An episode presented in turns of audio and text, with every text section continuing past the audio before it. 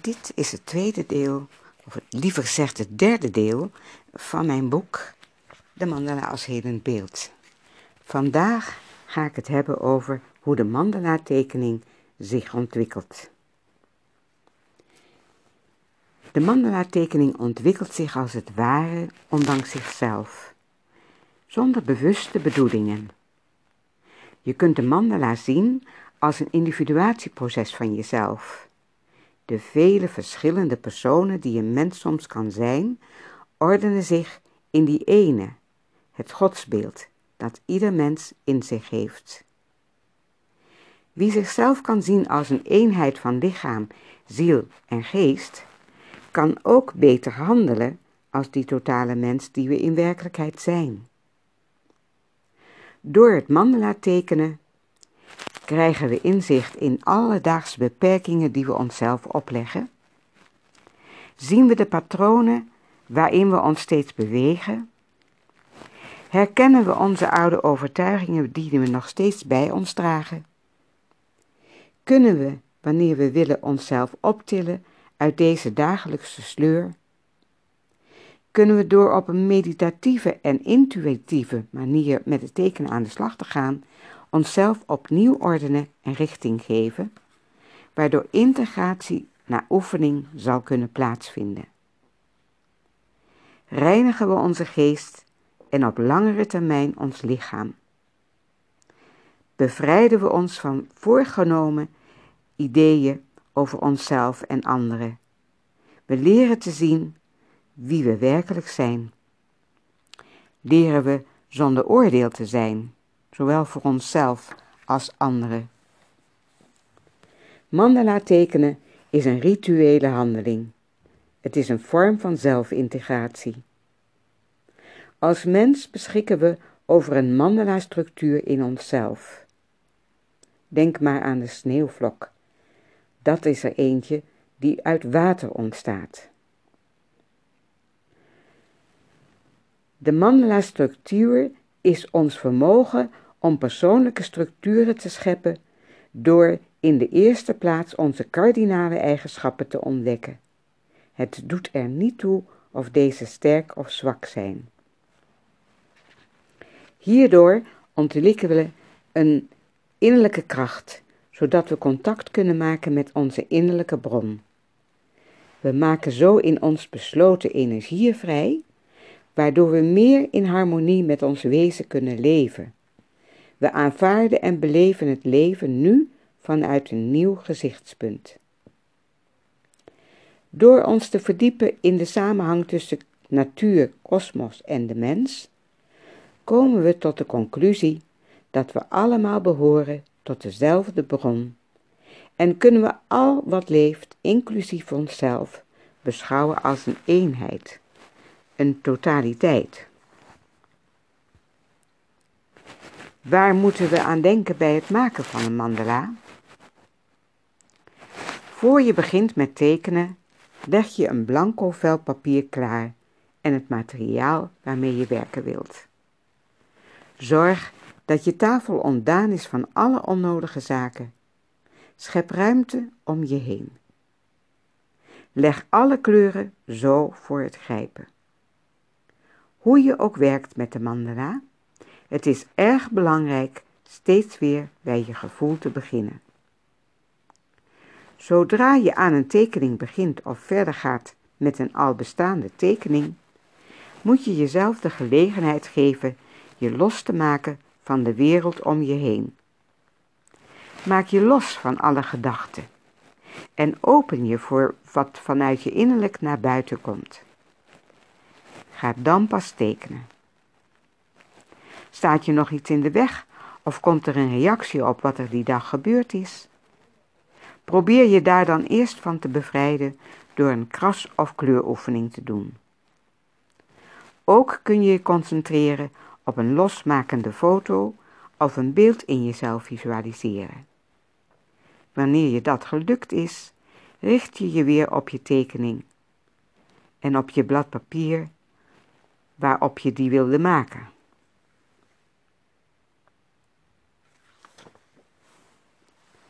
Het losmaken van gedachten kun je als volgt in praktijk brengen.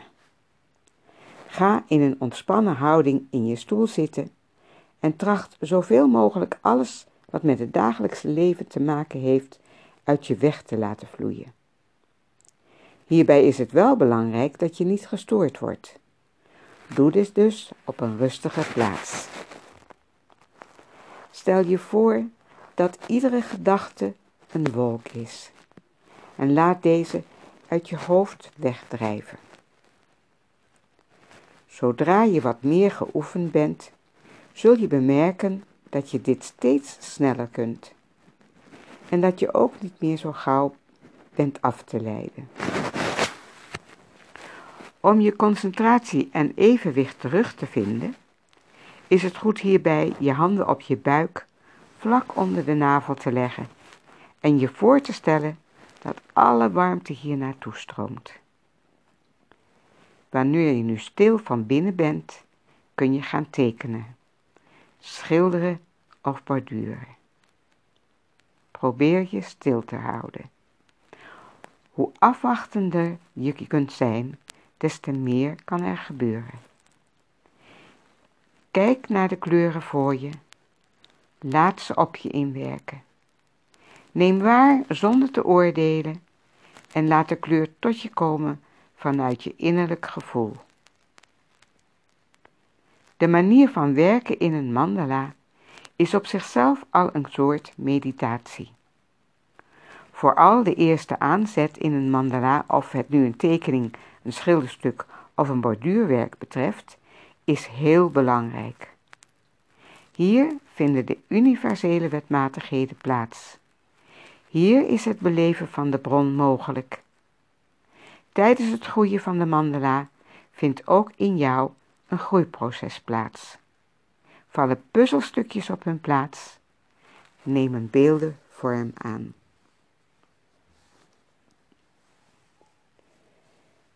Heeft de eerste creatieve puls plaatsgevonden en heb je een kleur gebruikt in je mandala, tracht dan dit groeiproces aan zichzelf over te laten. Niet wij leggen de mandala onze wil op, maar wij volgen de wetmatige en logische verbanden in de mandala. Zo neem je deel aan het grote en eeuwige gebeuren in het universum. Je mandala wordt er een kleine afspiegeling van en kan je vele eigenschappen en essenties laten zien waar je tevoren nog niet van bewust was. Je waarnemingsvermogen groeit en het kijken naar jezelf wordt wat gemakkelijker. Je gaat beseffen dat ook jij deel uitmaakt van dat grote universum, dat je niet afgescheiden bent, maar dat je uit dezelfde atomaire structuur bestaat als de dierenwereld, het planten- en mineralenrijk. Ook jij komt van die bron en bent afkomstig van het licht. Je maakt deel uit van de trillingen van het licht en de klank en je wordt erdoor gevormd. Wanneer je veel naar de natuur kijkt, naar de weersgesteldheid, de verschillende jaargetijden, etc., dan kun je je verbonden voelen met dezelfde wetmatigheden die hier aan ten grondslag liggen. En kun je leren je bevrijd te voelen van opgelegde plichten en verwachtingen. Je kunt je persoonlijke ervaringswereld laten uitgroeien tot een van de mooiste en de rijkste van het universum.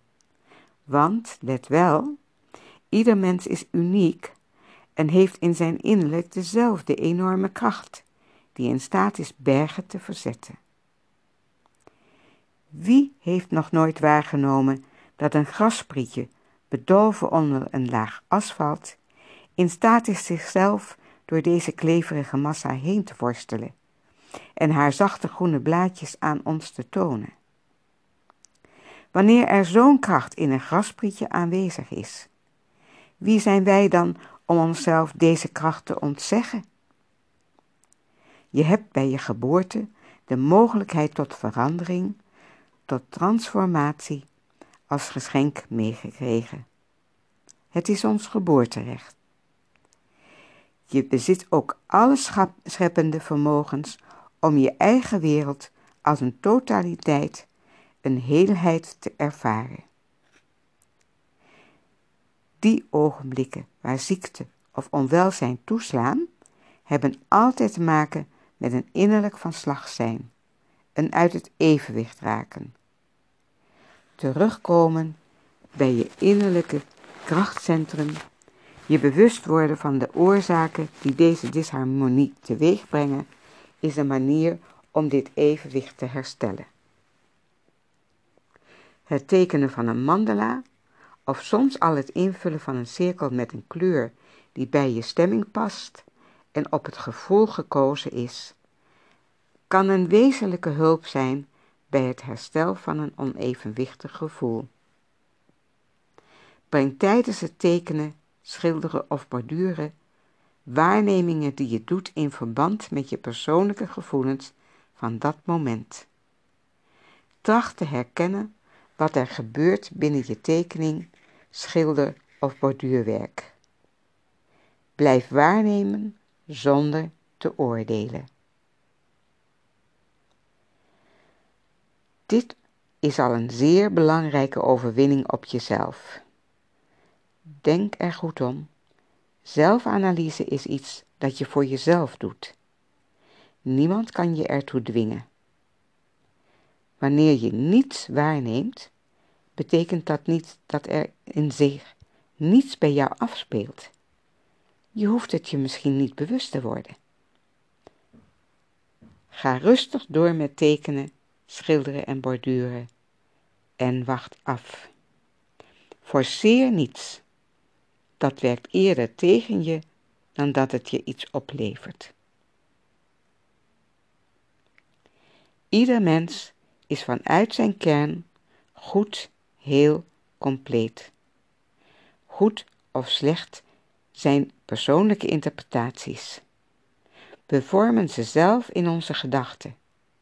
En zo hebben we er vele in het leven geroepen. Aan al deze uitspraken verbinden we gevoelens, emoties en ervaringen. Zo geven we ze kracht en voeden ze tot ze zo groot en sterk lijken te zijn dat we er niet meer overheen kunnen kijken. Door te trachten zo objectief mogelijk tegenover al deze waardeoordelen te staan, kunnen we nagaan wat ze in werkelijkheid voor ons betekenen. Ook objectief is nog subjectief wanneer je je bedenkt dat je er zelf je persoonlijke kleur aan geeft. Je kunt je afvragen, wat betekent voor mij het woord goed of slecht, licht of duister? Hoe ga ik hiermee om? Bedenk voor jezelf nog meer tegenstellingen en omschrijf de betekenis die ze voor jou hebben. Denk ook eens aan spreekwoorden met hun betekenis. Vraag je daarna af of dat wat je hebt opgeschreven wel een persoonlijke mening weergeeft. Of is het misschien een antwoord zoals je het vroeger op je eigen vragen kreeg? En handhaaf je diezelfde uitspraken nog steeds uit gemakzucht? Waar het om gaat is het volgende. Vraag jezelf in alle ernst af welke overtuigingen die je in je leven hebt opgebouwd, dan wel hebt overgenomen, werkelijk van jou zijn en nog steeds bij je horen. Welke zijn eigenlijk niet meer relevant? Of heb je al bijgesteld, maar je bent je dat nog niet bewust geworden? Wees je ervan bewust dat we leven in een soort collectief bewustzijn, waar alle vormen van maatschappelijk gebeuren en leven door ons samen zijn opgebouwd. Daaruit putten we wat we nodig hebben. We vergeten echter de werkelijke bron waartoe we ook toegang hebben en die ons alle informatie kan verschaffen die we nodig hebben om bij ons innerlijk mens zijn te komen. Het in je toelaten van zowel de kosmische als aardse krachten en daarmee omgaan in harmonie en tevredenheid, laat ons uiteindelijk een mens zien in de kracht van het leven. Een stralende persoonlijkheid die bereid is van zijn overvloed en licht uit te delen aan anderen. Deze mens is altijd in zijn eigen krachtcentrum, omdat het vermogen tot mens zijn sterk ontwikkeld is.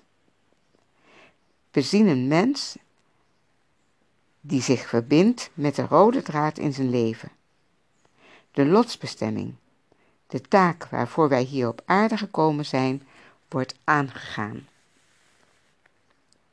Dit veronderstelt bij iedere mens een zich bewustzijn van de persoonlijke verantwoordelijkheid voor het eigen leven en bestaan. Het betekent ook dat je je ervan bewust bent dat alles wat er in je leven gebeurt door jezelf op gang is gebracht en dat je er niemand de schuld van kunt geven. Het vraagt om een eerlijk en zo objectief mogelijke kijk op jezelf en het onderkennen van je sterkte en je zwakte. Jouw sterke en zwakke karaktertrekken. Door eerlijke waarneming kun je dan zelf bepalen hoe deze eigenschappen je ten dienste staan. Je kunt jezelf zien zoals je werkelijk bent op dit moment zonder jezelf te veroordelen, ervan uitgaande dat de mens innerlijk een totaliteit, een geheel vormt, is alles wat je ziet acceptabel. Terugkomend op de mandala betekent dit dus voor je tekening, schilderen of borduurwerk dat alles wat je erin tegenkomt, in kleur, vorm, zogenaamde vergissing, goed is, een totaliteit vormt en weergeeft wie of jij op dit ogenblik bent.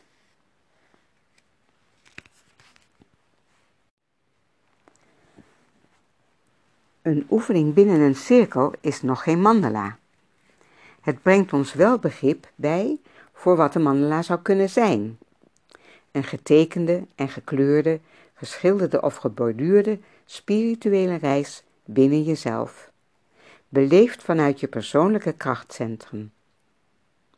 In ieder mens is de mogelijkheid van een beleving van dit krachtcentrum aanwezig. We dragen allemaal herinneringen aan vele eeuwen mens zijn, mens worden, in ons. Vanuit dit besef van naar binnen keren en naar buiten gaan, de in- en uitrollende beweging van het leven, komen we bij de essentie van het leven zelf, van ons zelf. Door je te oefenen in het tekenen, leer je de essentie van de schepping in haar belangrijkste vorm kennen, de bron van het ontstaan.